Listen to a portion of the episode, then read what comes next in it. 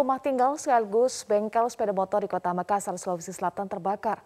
Satu unit mobil dan satu unit sepeda motor ludes terbakar. Inilah rekaman video amatir saat rumah ditinggal. Ini rumah tinggal maksud kami sekaligus bengkel sepeda motor terbakar di Kecamatan Biringkanaya, Kota Makassar, Sulawesi Selatan pada Jumat malam. Api begitu cepat membesar dan beberapa kali terdengar suara letusan. Warga sekitar yang panik berusaha melakukan upaya pemadaman menggunakan alat seadanya agar api tidak menjalar ke bangunan rumah warga lainnya. Lima unit mobil armada damkar milik pemerintah Kota Makassar, Sulawesi Selatan dikerahkan untuk melakukan upaya pemadaman api. Akibat kebakaran ini, kerugian ditaksir mencapai ratusan juta rupiah. Satu unit mobil serta satu unit sepeda motor turut terbakar dalam peristiwa ini. Untuk menyelidikan penyebab pasti kebakaran dari dugaan awal yang diduga disebabkan oleh arus pendek listrik. Aparat kepolisian Polsek Biringkanaya, Kota Makassar, Sulawesi Selatan langsung memasangi lokasi kebakaran ini dengan garis polisi. Ditinggal penghuninya, sebuah rumah berlantai tiga di komplek padat penduduk di Desa Demaan, Kota Kudus, Jawa Tengah, Jumat malam terbakar. Kobaran api dengan cepat meludeskan isi rumah. Kebakaran diduga akibat korsleting arus listrik. Kobaran api dengan cepat membakar rumah warga di Desa Demaan, Kecamatan Kota Kudus, Jawa Tengah pada Jumat malam. Berada di permukiman warga yang padat penduduk, membuat warga sekitar berjibaku berupaya memadamkan api dengan alat seadanya. Rumah dalam keadaan kosong, dengan cepat api langsung membesar. Api pertama muncul dari lantai dua diketahui warga pada pukul 21 waktu Indonesia Barat dan seketika langsung membesar membakar rumah tiga lantai tersebut. Adanya bahan yang mudah terbakar menjadi kendala dalam proses pemadaman. Api dapat dipadamkan setelah empat unit mobil pemadam kebakaran, Satpol PP Kudus dan BPBD Kudus tiba di lokasi. Akibat kebakaran tersebut, kerugian ditaksir mencapai ratusan juta rupiah. Kasus kebakaran masih ditangani oleh aparat kepolisian Resort Kudus.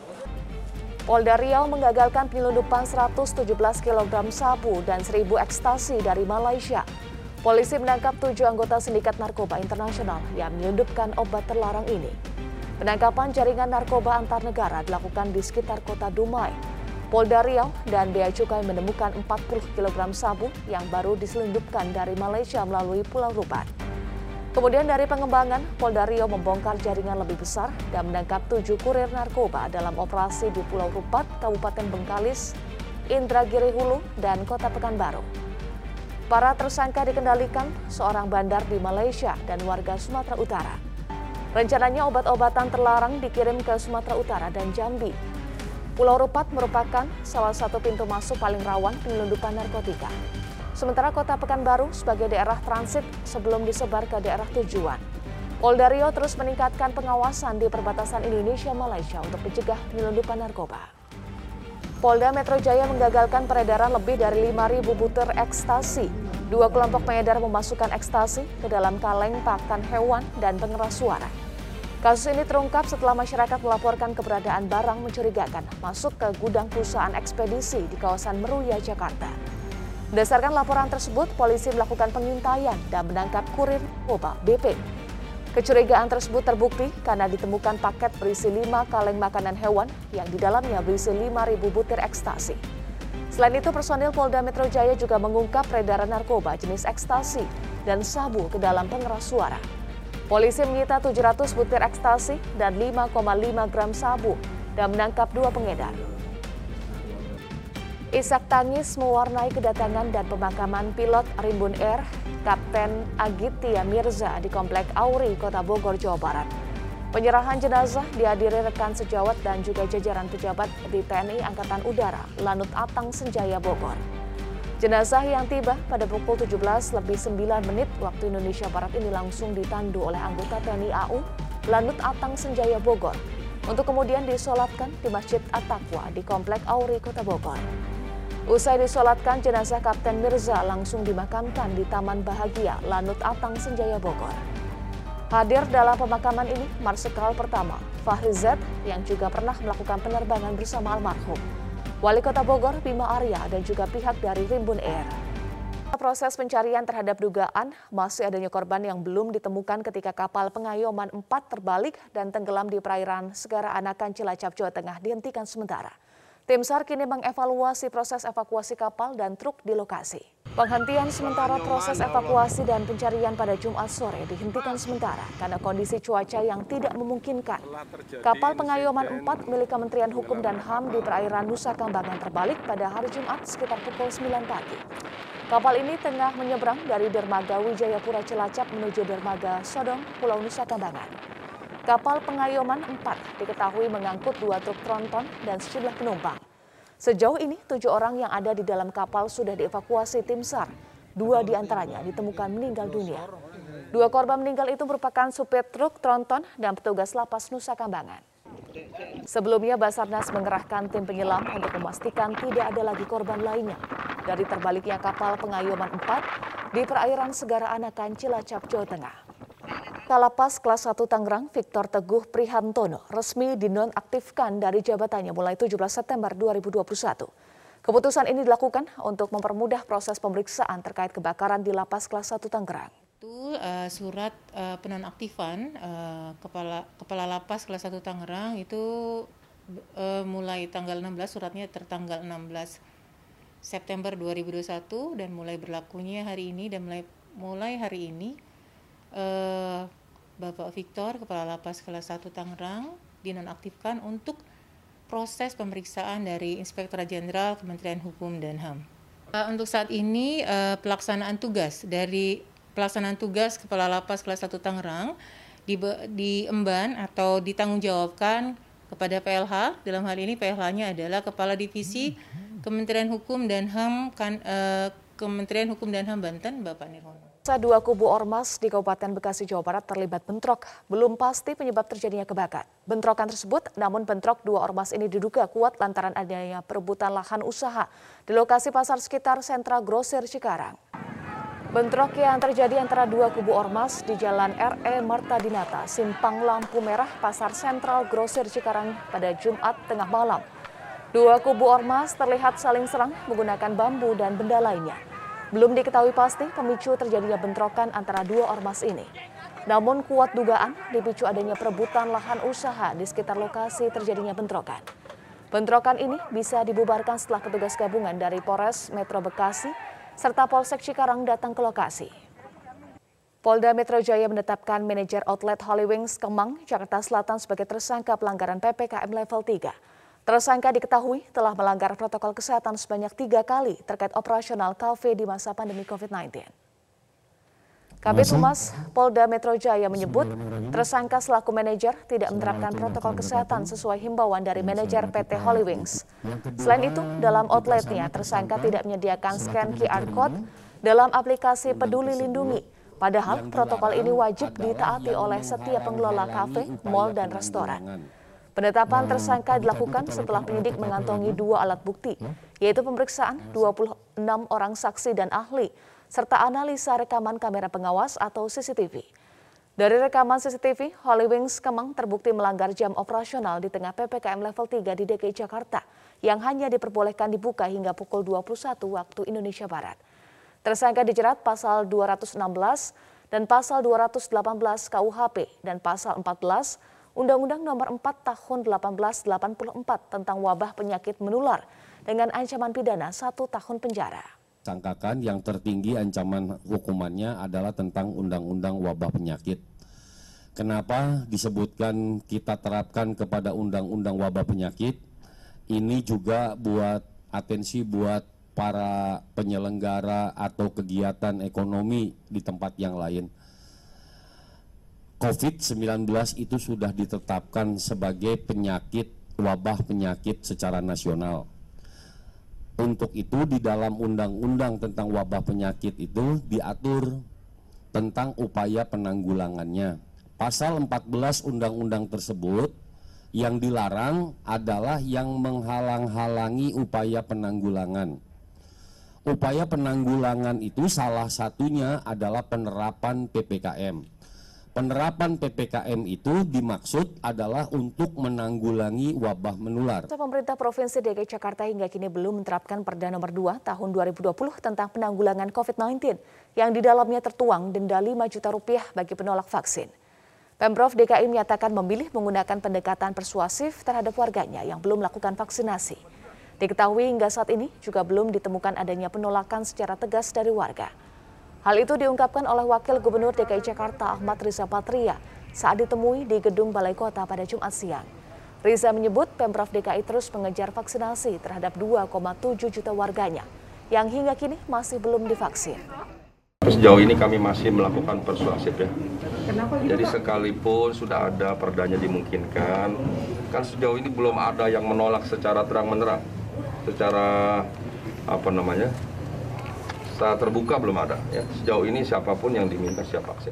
Informasi nelayan di Natuna kini dirundung keresahan setelah bertemu dengan kapal perang Tiongkok saat mencari ikan di perairan Natuna Utara, Kepulauan Riau beberapa hari lalu. Mereka meminta Bakamla juga TNI semakin memperkuat patroli agar mereka merasa aman saat mencari ikan.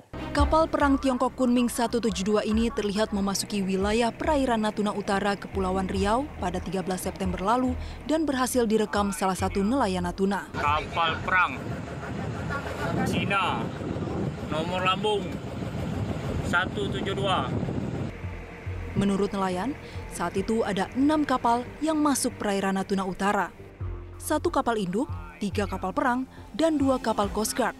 Dari dalam kapal, nelayan juga melihat ada banyak pesawat tempur. Posisi koordinat 6 derajat eh, lintang 6 derajat 17 menit lintang utara 109 01 menit eh, bujur timur. Nah, di sini kita menjumpai ada enam kapal. Satu kapal induk, tiga kapal perang dan dua kapal Coast Guard. Nah mereka beriringan. Kemudian kita juga melihat di kapal induk itu banyak pesawat tempur. Juga ada uh, helikopter yang sedang terbang. Ada dua helikopter yang sedang terbang di sekitar kapal induk tersebut. Gitu. Para nelayan di Natuna pun ketakutan untuk melaut dan merasa terintimidasi karena kapal-kapal milik Tiongkok itu dikawal dengan beberapa helikopter. Ah, selaku nelayan Natuna, biasa sah dengan adanya kapal Coast Cina, Vietnam. Cuma saya minta sama pihak yang bersangkutan, istilahnya kami selaku nelayan ini merasa tidak aman lah dengan adanya kapal-kapal asing ini karena kami selaku nelayan mata pencariannya emang di laut jadi kami minta sama pihak-pihak yang bersangkutan macam mana untuk keamanannya di laut. Sementara dengan masuknya kapal perang Tiongkok, Kepala Bakamla Laksdia TNI Aan Kurnia mengaku sudah berkomunikasi dengan negara tersebut. Menurut Laksdia Aan, Tiongkok sedang melakukan freedom of navigation. Jadi TNI Angkatan Laut dengan kapal-kapal Bakamla, jadi perlu diketahui juga bahwa sampai hari ini ini kapal angkatan laut ada empat kapal di sana. Kemudian kapal Bakamla juga ada dua. Kita secara bergantian melaksanakan patroli di ZEE e maupun di landas kontinen. Kita juga sudah berhubungan dengan kapal perang Tiongkok ini dan memang dia menyatakan bahwa dia sedang melaksanakan freedom of navigation. Begitu juga kapal Amerika. Itu sah-sah saja memang dibolehkan dengan aturan UNCLOS itu.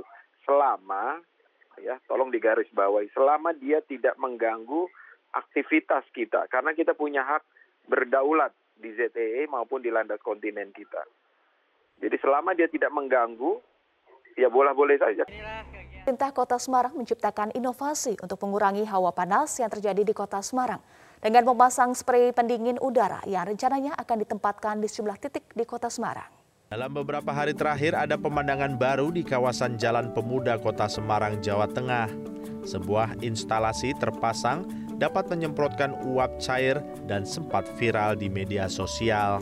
Instalasi tersebut adalah spray pendingin udara, sebuah inovasi yang disiapkan pemerintah kota dan sedang dalam tahap uji coba untuk mempercepat penanganan udara panas yang kerap terjadi di kota Semarang di samping sebagai upaya penghijauan yang juga terus diupayakan. Wali Kota Semarang Hendar Prihadi mengatakan inovasi spray pendingin udara sebelumnya telah diuji coba melalui Dinas Perumahan dan Kawasan Permukiman sejak Agustus 2021.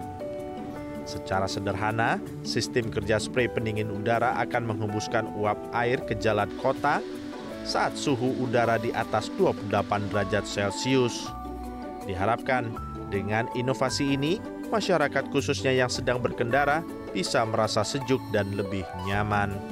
Oh iya, ya alhamdulillah ya ini ada karya anak bangsa uh, yang rencana kita taruh satu titik dulu nih di Paragon tempatnya untuk uh, mempercantik taman ada hiasan lampu kalau malam hari tapi uniknya adalah pada saat uh, lampu light itu menyala merah itu mesin mesin akan apa ya mesin akan menyala kemudian ada air yang disemprotkan di nozzle jadi harapannya pada saat siang itu bisa untuk lebih membuat pengendara yang menunggu traffic light itu lebih adem gitu. Ada berapa Pak? Sementara baru satu, nanti kalau kira-kira bagus nanti akan kita tambah beberapa titik di Kota Semarang. Prihadi menambahkan sementara spray pendingin udara baru dipasang di Jalan Pemuda. Namun jika mendapat respon positif dan dirasakan manfaatnya oleh masyarakat, Pemkot Semarang akan menempatkan instalasi tersebut di sejumlah titik seperti di Kota Lama dan sejumlah titik lainnya. Ke informasi vaksinasi massal guna mencapai herd, target herd immunity bagi buruh terus digelar. Pangdam 3 Siliwangi menyelenggarakan vaksinasi 1000 dosis vaksin bagi warga di Kelurahan Baros, Kecamatan Cimahi Tengah, Kota Cimahi, Jawa Barat. Pengalokasian sebanyak 1000 vaksin dengan 25 orang tenaga kesehatan dari Kesdam 3 Siliwangi. Di kegiatan vaksinasi warga di Kelurahan Baros, Kecamatan Cimahi Tengah, Kota Cimahi, Jawa Barat dilakukan guna mencapai target target herd immunity bagi pekerja dan buruh. Didampingi unsur muspida seperti PLT Wali Kota Cimahi, Ngatiana, Kapolres Cimahi, dan Dandim 0609. Pangdam 3 Siliwangi melakukan pemantauan pelaksanaan vaksinasi bagi warga. Selain itu, selain menggelar vaksinasi Pangdam 3 Siliwangi, Majen TNI Agus Subianto juga memberikan bantuan 1000 paket sembako bagi masyarakat khususnya warga yang berprofesi sebagai buruh yang terdampak COVID-19 dari masyarakat yang bekerja di pabrik ada juga perkantoran. Dan perlu diketahui bahwa kota Cimahi sekarang sudah yang vaksin yang dosis pertama sudah 82 persen. Pelaksanaan vaksinasi sinergi sehat di The Media Hotel and Towers Jakarta secara resmi berakhir dengan sukses pada Jumat petang. Kegiatan vaksinasi ini diselenggarakan oleh Iluni UI bersama Media Group, Asosiasi Rumah Sakit Vertikal atau ARVI dan Bakti Kominfo. Setelah hampir dua bulan pelaksanaan vaksinasi sinergi sehat yang berlokasi di The Media Hotels and Towers Jakarta resmi berakhir pada 17 September 2021. Di hari terakhir capaian vaksinasi mencapai target yakni sebanyak 32 ribu orang. Ketua Iluni Universitas Indonesia Andre Rahadian menjelaskan kegiatan vaksinasi ini berjalan sukses karena tidak hanya menyasar masyarakat usia produktif, tetapi juga menjangkau warga yang tidak memiliki nomor induk kependudukan, kaum marginal, dan para santri. Tapi yang uh, menggembirakan adalah bahwa sentra vaksinasi ini bisa memvaksin banyak kalangan dari pesantren, dari para santri, dari uh, pemulung, dari kaum marginal, pihak yang tidak memiliki NIK yang di tempat lain tidak bisa divaksin. Jadi itu saya rasa uh, merupakan pencapaian yang sangat besar dan mudah-mudahan bisa menjadi contoh sentra vaksinasi di seluruh Indonesia. Para panitia acara dari Universitas Indonesia pun mengaku senang atas kesuksesan acara vaksinasi sinergi sehat ini, meski harus membagi waktu dengan jadwal kuliah. Sementara itu, Wakil Ketua MPR Lestari Murdiat yang ikut meninjau pelaksanaan vaksinasi sinergi sehat menyampaikan apresiasinya atas kolaborasi yang dibangun pada kegiatan sentra vaksinasi ini. Harapannya model seperti ini bisa juga dilakukan di banyak tempat, apalagi kalau kita uh, memang menginginkan agar proses pemutusan mata rantai pandemi ini bisa selesai dengan segera karena kita membutuhkan sekali. Kita tahu persis setahun lalu setelah pandemi uh, dampak yang terjadi ya bukan hanya di sisi kesehatan saja tapi berbagai macam faktor juga terutama ekonomi belum lagi dampak-dampak lain yang berhubungan dengan uh, kesehatan masyarakat. Kegiatan vaksinasi ini diselenggarakan oleh Iluni Universitas Indonesia bersama Media Group, Asosiasi Rumah Sakit Vertikal atau ARVI, dan Bakti Kominfo. Program sentra vaksinasi ini telah berlangsung sejak 22 Juli 2021 di The Media Hotel and Towers Jakarta mulai pukul 8 pagi hingga pukul 3 sore waktu Indonesia Barat. Adapun jenis vaksin yang diberikan adalah vaksin Sinovac, AstraZeneca, dan Moderna. Tiga astronot Tiongkok kembali ke bumi pada Jumat 17 September 2021 setelah 90 hari menjalani misi di stasiun luar angkasa pertama Tiongkok. Ni Haiseng, Liu Buming, dan Tang Hobu mendarat di dalam pesawat Zhenzhou 12 pada pukul 1.30 siang waktu setempat setelah melakukan undoking dari stasiun luar angkasa. Para astronot mendarat menggunakan parasut di Gurun Gobi. Beberapa menit kemudian sejumlah teknisi mulai membuka kapsul dan memeriksa jika ada kerusakan. Ketiga astronot kemudian menyesuaikan diri dengan gravitasi bumi dengan duduk di luar kapsul selama 30 menit. Setelah lama hidup tanpa gravitasi di luar angkasa, yakni 90 hari. Tiongkok telah mengirimkan 14 astronotnya sejak tahun 2003, menjadikannya negara ketiga yang setelah Amerika dan Uni Soviet yang melakukan misi serupa. Menteri Perhubungan Budi Karya Sumadi dampingi Kakor Lantas Polri Irjen Pol Istiono meninjau langsung pelaksanaan vaksinasi di Yogyakarta. Total jumlah vaksin yang diberikan dalam rangka Hari Perhubungan Nasional ini sebesar 50 ribu dosis vaksin. Menteri Perhubungan menyatakan pemberian vaksin ini disebar ke beberapa titik agar tidak terjadi penumpukan peserta vaksin. Sementara Kakor Lantas Polri berharap masyarakat mematuhi protokol kesehatan agar kasus COVID-19 tidak meningkat lagi. Kita melakukan hari ini di Geraha Sabah, besok kita lakukan di Bantul, ya dua hari. Tentu 23 ribu itu kita akan lakukan di titik tujuh titik sentral dan terdistribusi di banyak puskesmas supaya jangan terjadi kerumunan. Bahwasanya kita pertahankan level 4 menjadi level 3 kompak sama-sama untuk terus diturunkan lagi dengan vaksinasi. Berikutnya adalah menjaga kerumunan-kerumunan, menjaga prokes. Jangan lupa